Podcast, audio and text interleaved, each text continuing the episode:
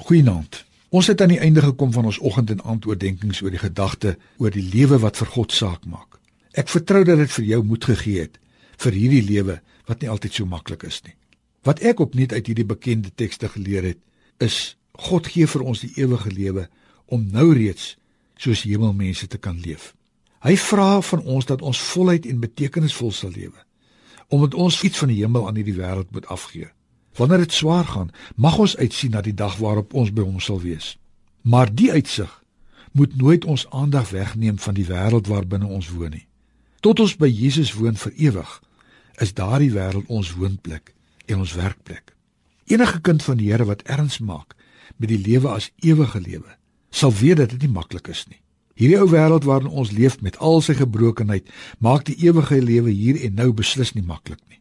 Vraag is hoe hou ons dit vol? Hoe hou ons dan aan om ewige lewe te bly vertoon ten spyte van die stikkindheid rondom ons? Jesus gee die antwoord in Johannes 14 vers 6. Ek is die weg en die waarheid en die lewe. Niemand kom na die Vader toe behalwe deur my nie. Luister hoor, ek is die weg en die waarheid en die lewe. God is die een met die antwoorde op al ons swaar kry en lyding in hierdie wêreld. En die antwoorde kry ek net in en deur Jesus. Wanneer ek met hom in 'n lewende verhouding staan, mag ek maar al my vrae aan hom kom stel. Hy bring vir my antwoorde wat my aandag fokus op sy koninkryk, wat hy in die wêreld sigbaar wil laat word. My ewige lewe en my ewigheidskarakter in hierdie wêreld gaan altyd oor hom. My lewe gaan nie in die eerste plek oor my voorspoed en my sukses nie.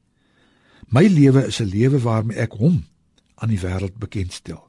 Daarom kan ek te alle tye in voorspoed en in slegte tye, maar net my oog en my oor op Jesus hou. Hy is die weg en die waarheid en die lewe.